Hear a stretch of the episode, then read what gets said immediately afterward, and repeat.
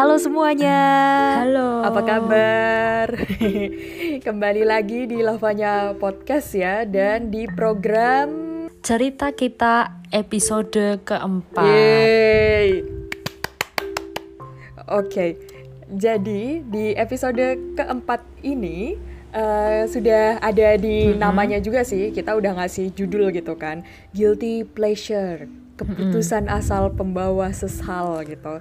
Nah, jadi ini mungkin kayak judul FTV FTV kayak gitulah ya. Tapi sebenarnya percayalah kawan-kawan semuanya, kita tidak bermaksud untuk membuat ini jadi kayak FTV gitu enggak, tapi kita pengennya apa ya kayak cuma ngasih tahu aja kalau kadang-kadang tuh keputusan yang asal-asalan itu bisa menyebabkan penyesalan di kemudian hari. Begitulah intinya. Mm-mm. makanya kita juga Betul. bilang guilty pleasure juga nih. Soalnya eh, kami pada saat itu mikirnya em, teman-teman tahu kan ada biasanya ketika kita diet tuh kan nggak boleh makan makanan manis. Ya nggak sih atau makanan Mm-mm. berlemak atau keju coklat terlalu banyak gitu karena Ada pantangannya lah Mm-mm, ya. karena intinya. ya itu diet kan ya jadi karena itu Mm-mm. biasanya mereka tuh kayak susah gitu untuk aduh aku ngeliat martabak dikit aja udah kepengen gitu. Atau aku pengen eh, terang bulan aja aku kepengen kayak gitu. Nah jadi intinya em, guilty pleasure itu semacam ketika kamu sudah melakukan sesuatu tapi kamu juga ngerasa bahwa "Oh ya tapi aku seneng juga sih kayak gitu. Jadi ya ya kurang lebih kayak gitulah konsepnya. Nah ini tuh nggak cuma ada di dunia perdiet-dietan aja nih kayak gitu. Tapi ada di dunia ya penyesalan in general gitu seperti yang sudah teman-teman lavanya kirimkan ceritanya melalui email kayak gitu. Dan ini mau ngingetin lagi bukan ngingetin juga sih ngasih tahu juga nih ke teman-teman kalau program cerita kita ini ini adalah ya ini masih baru banget dan kita sekarang udah di episode keempat gitu kan. Jadi kita kurang lebih eh, objektif dari program ini adalah supaya eh, aku Dona dan juga Loren ini bisa em, menyampaikan sebuah cerita-cerita yang dikirimkan ke lavanya dan kita akan berusaha melihat gitu dari sudut pandang seorang temen. Maksudnya kayak kita berusaha nggak ngejudge kalian karena kan ada kan tipe-tipe orang yang aduh aku pengen cerita nih tapi biasanya kalau aku cerita ke temen atau aku cerita ke siapa biasanya kayak dijudge kayak gitu nah maka dari itu program cerita kita ini adalah program yang sangat tepat untuk kalian semua Betul banget. dan program ini selalu dipandu oleh Dona dan Loren. Loren. Oke, baiklah. Aku baru sadar setelah aku ngomong panjang lebar dari tadi ternyata aku belum ngenalin diri gitu. Jadi intinya ini ada Dona dan ada Loren. Oke, baiklah. Dan kita udah ngasih tahu juga tadi di episode ini kita bakal ngebahas tentang penyesalan-penyesalan. Jadi ini sudah ada ya cerita yang masuk ke kita lah ya, Loren. Jadi Iya betul banget. Cerita-cerita ini uh, as usual kita akan membacakan dua aja dulu karena ya nanti agak kendala waktu juga kalau dibacain semuanya gitu kan. Nah, jadi without further ado, kalau kalian penasaran ceritanya siapa atau cerita tentang apa yang akan kita bawakan hari ini, um, stay tune sampai akhir dan dengerin terus di segmen selanjutnya tentang cerita ke satu dan kedua.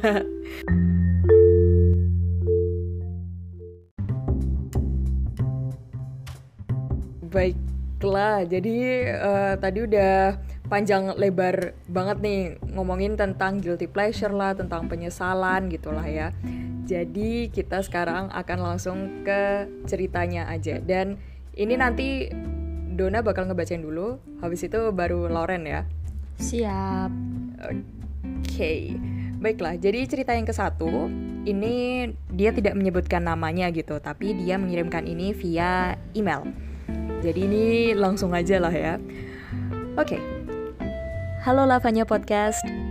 Kebetulan banget nih, aku belakangan ini lagi ngerasain penyesalan gegara di ghosting.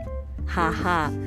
Sebetulnya episode ghosting sudah dibahas lah ya, tapi yang mau aku titik beratkan di sini bukanlah masalah ghostingnya sih, lebih ke arah menyesal karena kok bisa-bisanya aku fall for him secepat itu gitu. Jadi, ini semua berawal ketika aku bertemu seseorang di sebuah acara.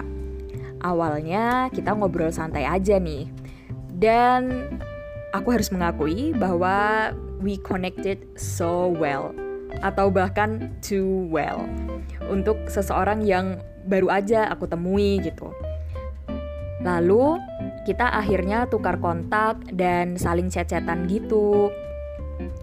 Dia bilang kalau keesokan harinya dia harus balik ke kampung halamannya. Jadi secara nggak langsung pertemuan pertama kami adalah pertemuan terakhir juga. LOL. Oke. Okay. Sedih ya. Iya makanya itu kayak baru apa ya istilahnya kayak Cinderella banget tapi nggak ada yang apa kayak happily ever afternya gitu lah. iya benar.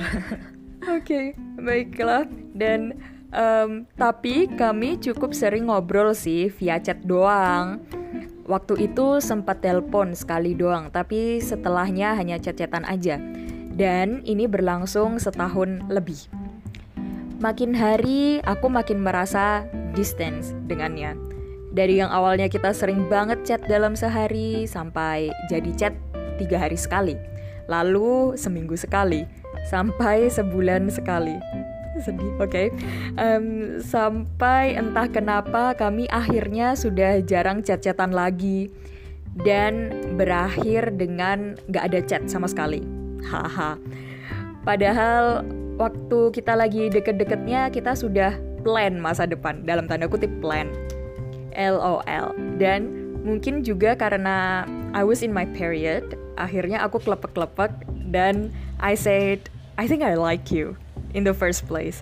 Dia pun cuma balas, hmm, yeah, let's see where it goes ya, let it flow. Gitu. Karena dia belum ada rencana balik ke tempatku.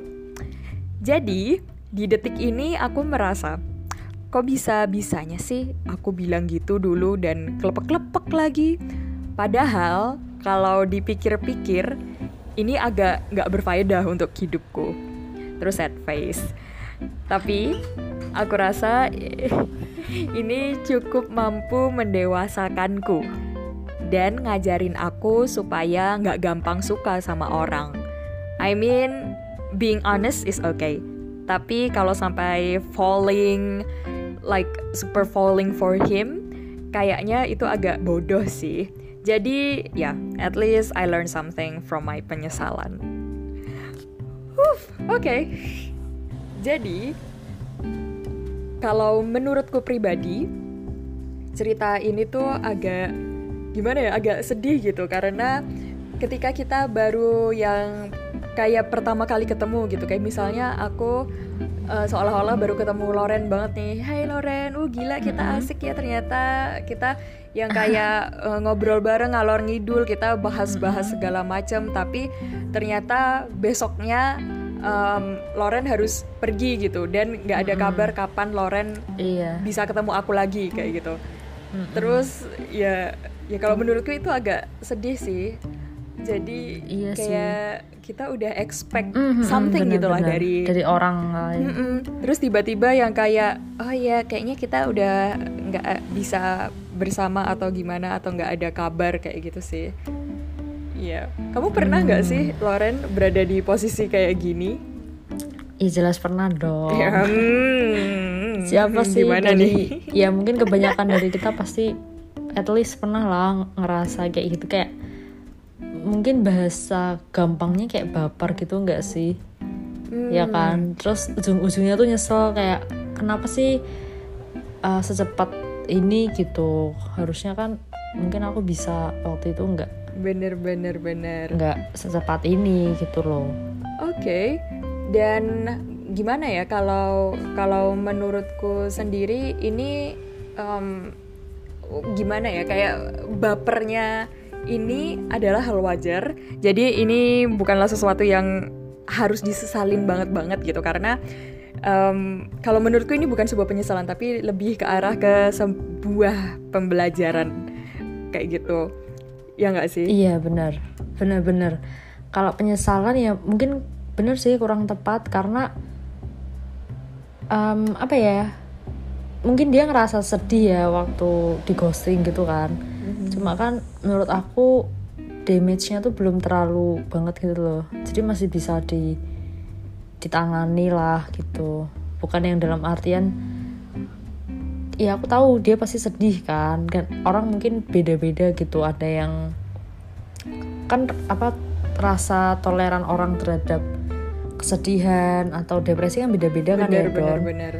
cuma aku ngerasa ya aku ngerasa dari cara dia ngomong ini ya hmm. kayak ya dia udah bisa menerima sih. Bener bener bener. Gitu. Udah bisa menerima dengan baik. Jadi ya mungkin dia ada nyeselnya tapi nyeselnya nggak terlalu yang mm, banget gitu. Dan malah bagus sih jadiin pelajaran kan hmm, sama dia. Bener. Dan kalau aku rasa ini dulu aku sempat pernah baca artikel tentang psikologi juga sih. Eh entah psikologi atau something related tentang itu gitulah. Mm -hmm. Jadi tuh ada kayak sebuah istilah gitu, tapi aku agak lupa nama istilahnya. Jadi istilahnya ini uh, refer ke uh, momen ketika sebuah bar atau sebuah uh, apa kayak tempat minum mau tutup gitu. Jadi kan biasanya mereka tutupnya kayak jam 4 pagi atau jam berapa pagi gitu kan. Dan biasanya orang pas uh, lagi hektik-hektiknya gitu. Mm -hmm. Jadi banyak uh, pasangan muda dan mudi saling ngobrol ke segala macem gitu. Akhirnya uh, mereka udah ketika mereka udah connect istilahnya kayak connect sekali kayak gitulah. Terus tiba-tiba barnya tutup kayak gitu. Jadi um, mereka akan berusaha untuk apa ya istilahnya menjadi sangat rapuh dalam tanda kutip ketika bar itu mau tutup kayak seolah-olah oh aku mungkin belum tentu bakal ketemu kamu next time-nya kayak gitu. Jadi um, aku bakal bilang oh aku suka kamu atau oh aku apaan sama kamu kayak gitu sih. Jadi itu ada istilah khususnya deh. Cuma aku agak lupa namanya apa. Deh ntar aku coba sambil cari lagi deh. Pokoknya intinya ada gitulah di momen ketika ada seseorang dia mau pisah nih dengan orang lain. Biasanya um, dua orang ini kalau misalnya mereka connect ya mereka akan punya kecenderungan untuk oh ya um, aku mau mengakui perasaanku lah maksudnya um, suasana kayak gini atau momen kayak gini nggak akan datang dua kali kayak gitu lah jadi iya bener ya, banget. ada gitu. Maksudnya ini bukanlah sesuatu yang kayak harus sedih banget atau apa gitu. I mean banyak orang struggle juga tentang kayak ginian. Jadi untuk pengirim yang mengirim ini kamu kuat kok dan kamu belajar Semangat. banyak. Baiklah dan ya itu adalah cerita ke satu ya dan sekarang cerita kedua ini juga nggak kalah menarik nggak sih loh kan? Iya bener banget. Mm -mm. Jadi langsung aja ya aku bacain mm. cerita yang kedua. Oke. Okay. Halo Lavanya Podcast. Wah seneng banget dengan tema podcast kali ini karena kebetulan aku punya satu cerita yang berkaitan dengan tema kali ini. BTW, aku cewek ya. Oke. Okay. Semua ini terjadi ketika aku masih duduk di bangku SMA. Kalau boleh cerita sedikit tentang pribadiku, aku itu termasuk orang yang introvert. Jadi, aku berupaya untuk membuat lingkup pertemanan sekecil mungkin. Tetapi bukan berarti aku tidak mau bersosialisasi ya aku tetap bersosialisasi kok kayak orang-orang pada umumnya. Cuma kalau untuk menjadikan seseorang sebagai sahabat atau orang yang dekat banget sama aku, aku itu bakal butuh waktu yang lebih. Hmm. Nah, Don ini ada kaitannya sama podcast. Waktu itu aku sih kayaknya yang ngebuat ya tentang introvert loh Don.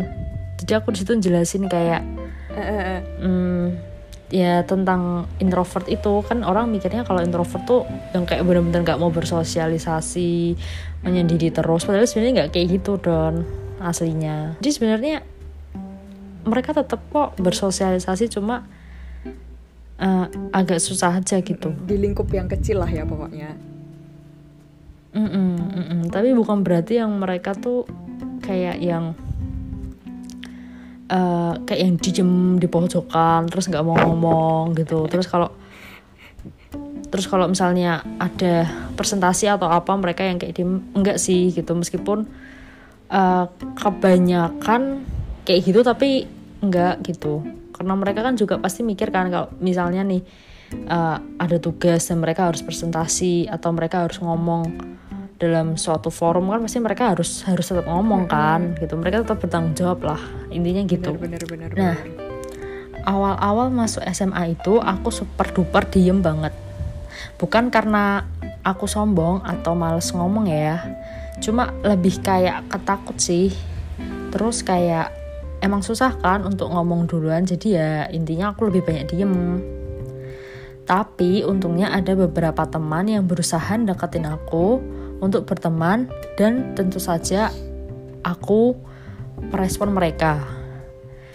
Karena kepribadianku yang cukup introvert ini aku juga jatuhnya jadi orang yang penakut dan gak percaya diri gitu loh. Ini dia sedikit nambahin informasi juga sih tentang dirinya ya.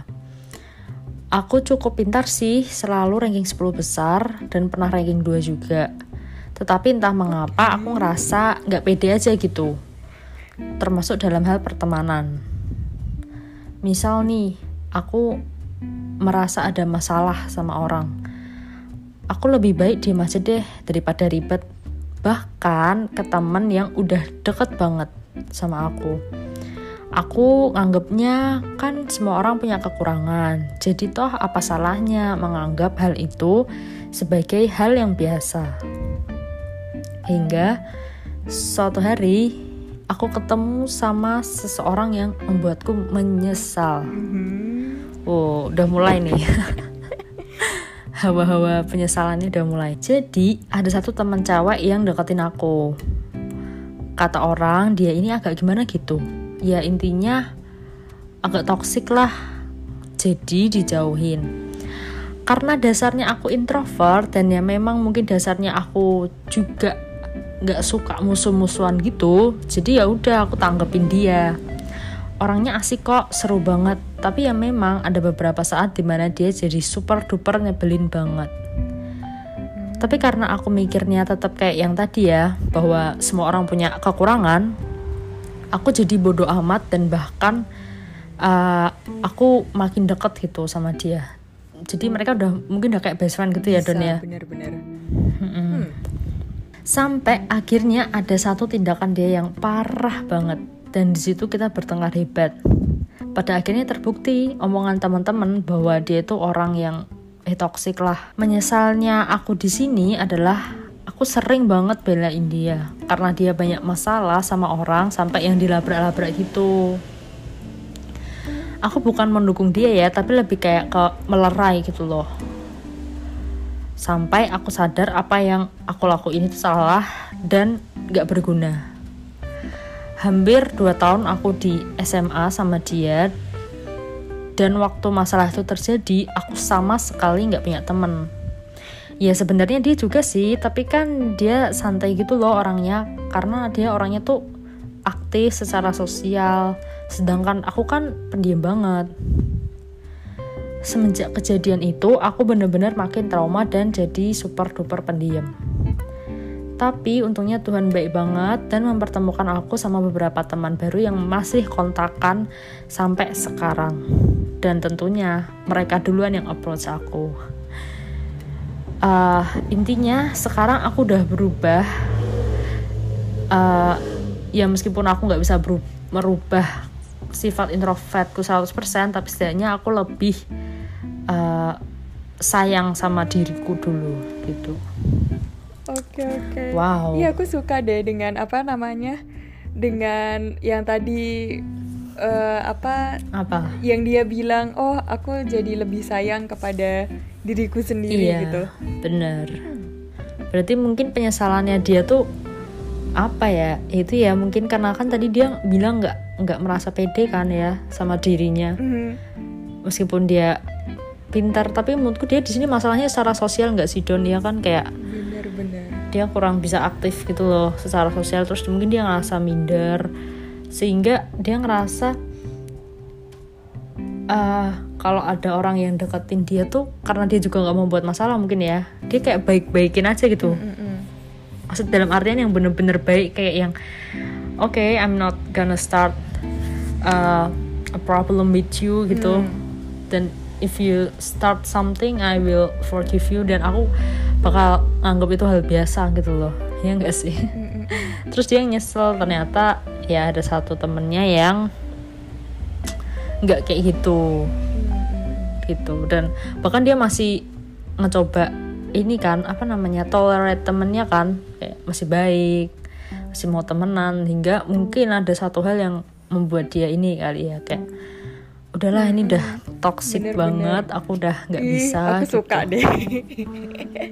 Iya sih pokoknya em, kalau dari sudut pandangku sendiri tuh juga em, sebuah apa ya sebuah penyesalan baik itu dari segi relationship atau dari segi pertemanan atau dari segi apa pun itu atau mungkin kamu menyesal menjadi dirimu yang dulu atau gimana gitu sebenarnya hmm, poin yang penting bukan kamu menyesalnya tapi lebih ke arah apa yang bisa kamu terapkan dalam hidup kamu untuk mencapai atau untuk menjadi kamu yang lebih baik di masa Iya, benar depan. banget, benar. Jadi apa ya mungkin penyesalan itu sesuatu yang selalu melekat nggak sih dengan diri kita. Maksudnya kalau kita nggak menyesal, kita nggak bakal bisa berubah ya nggak sih? Nggak ada yang kita sesali. Kita ngerasa kayak I was doing fine until now gitu loh. And I will keep doing this. Iya. Dan itu kan sebenarnya ya nggak baik sih gitu. Kan kita juga kadang perlu intro introspeksi diri juga. Benar benar benar. Hmm, oke. Baiklah. Aku aku merasa dari cerita-cerita tadi justru aku sih yang belajar banyak dari uh, teman-teman yang ngasih cerita gitu. I mean meskipun aku nggak experience langsung gitu kan, tapi setidaknya kita mendapatkan insight bahwa oh ternyata uh, dia sudah pernah mengalami hal ini dan dia overcome situasinya kayak gini kayak gitu. Jadi udah dapat insight lah istilahnya gitu. Mm, bener banget. Oke, baiklah. keren sih ceritanya jadi kita dapat cerita tentang ini ya Don. Em, penyesalan seseorang tapi yang terhadap dirinya sendiri ya nggak sih? Bukan terhadap orang lain. Maksudnya mereka nggak melakukan kesalahan sama orang lain yang sampai buat orang lain terluka sedih marah atau buat lingkungan mereka jadi gimana gitu sama mereka. Tapi mereka tuh buat kesalahan ke diri mereka sendiri gitu terus mereka jadi kayak nyesel aduh dulu, dulu kok aku kayak gini sih gitu loh Bener-bener. Iya, dan ini adalah proses dari pendewasaan. betul Oke, banget dan secara nggak langsung itu kan tadi udah cerita kedua kan, jadi jadi ya dengan berat hati kita harus menyampaikan bahwa ini adalah segmen cerita kita dan em, kita akan semacam ngasih apa tuh kayak semacam ngasih summary sedikit gitulah ya tentang episode kali ini. Jadi dengerin di segmen yang selanjutnya.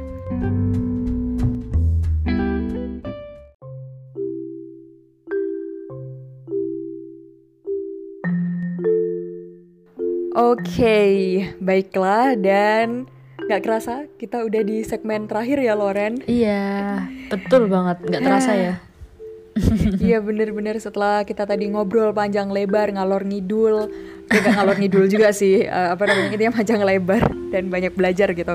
Jadi eh, summary yang mau kita kasih ini kurang lebih simple banget sih intinya.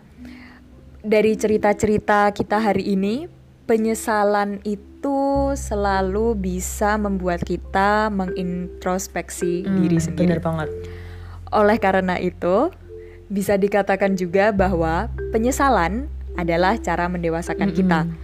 Karena dari cerita-cerita tadi yang kayak ada em, pendengar lavanya nih, dia tiba-tiba ditinggal gitu, di ghosting gitulah. Tapi dia bisa belajar dari situ atau ada pendengar lavanya yang aduh, aku introvert banget nih, tapi eh, aku sekarang menjadi aku yang lebih baik atau gimana kayak gitulah. Nah, itu betul banget istilahnya bisa mendewasakan kita lah. Maksudnya kita yang sekarang lebih baik daripada kita iya yang dulu. betul Hmm, oke, baiklah. Dari Loren sendiri, apakah ada yang mau ditambahkan? Em, kalau aku sih mungkin lebih menyoroti ke apa ya? Ya bener sih penyesalan itu adalah salah satu bentuk intro- introspeksi diri. Tapi yang paling penting di sini adalah bagaimana kita uh, meng ngatasi penyesalan kita nggak sih? Ya kan Don? Kayak ya kita nyesel nyesel doang gitu. Kayak macam galau gitulah. Tapi kalau ke depannya kita ngulangin lagi ya buat apa gitu loh.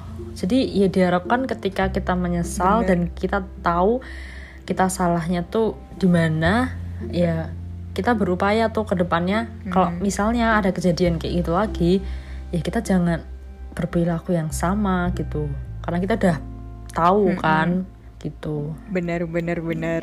Ya, karena itu tadi penyesalan itu jangan dijadikan sebuah alasan kamu tidak menjadi kamu yang lebih baik kayak gitu. iya betul karena banget ini yang membedakan manusia dengan em, apa ya kayak creatures yang lain karena kalau manusia seharusnya bisa belajar dari penyesalannya kayak gitu sih. betul Oke, baiklah.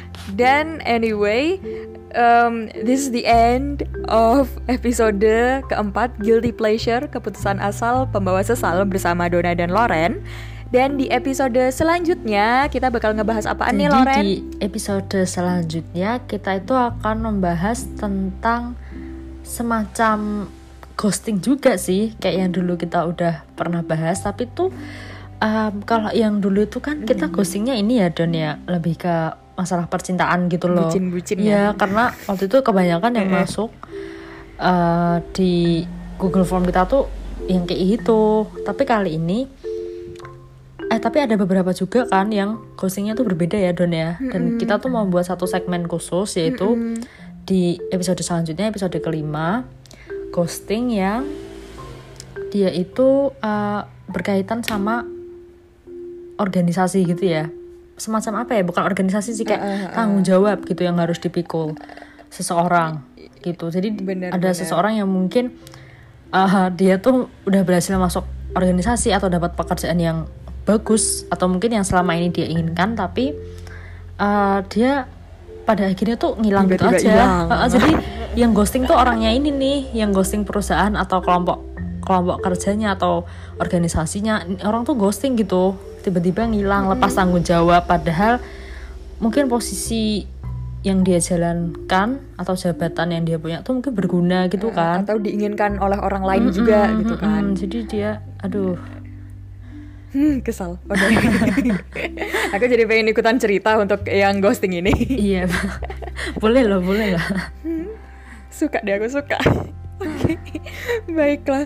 Jadi, oh ini apa namanya episode selanjutnya ini em, untuk teman-teman lavanya yang mau gabung atau berbagi kisah atau mungkin kalian mau ngasih sudut pandang dari oh aku pernah ngeghosting tapi niatku tuh nggak ngeghosting kayak gitu tuh em, bisa ngirimin ceritanya ke mana nih Loren? Iya jadi eh, buat para pendengar lavanya podcast ya yang ingin mengirimkan ceritanya bisa langsung ke email lavanya.podcast@gmail.com atau eh, kalau kalian lebih sering buka sosial media lain terutama Instagram kalian bisa langsung DM ke @lavanya.podcast di Instagram. Benar. Dan jangan lupa kita kan punya form juga oh kan? iya benar.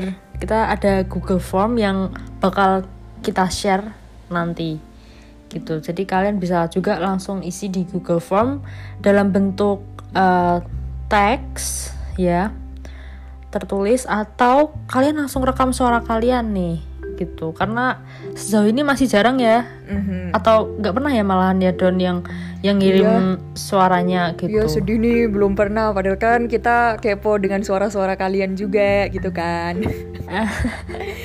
iya bener. Bener-bener. Bosan gak sih cuma suara kita Iya, berdua doang makanya. Lama-lama?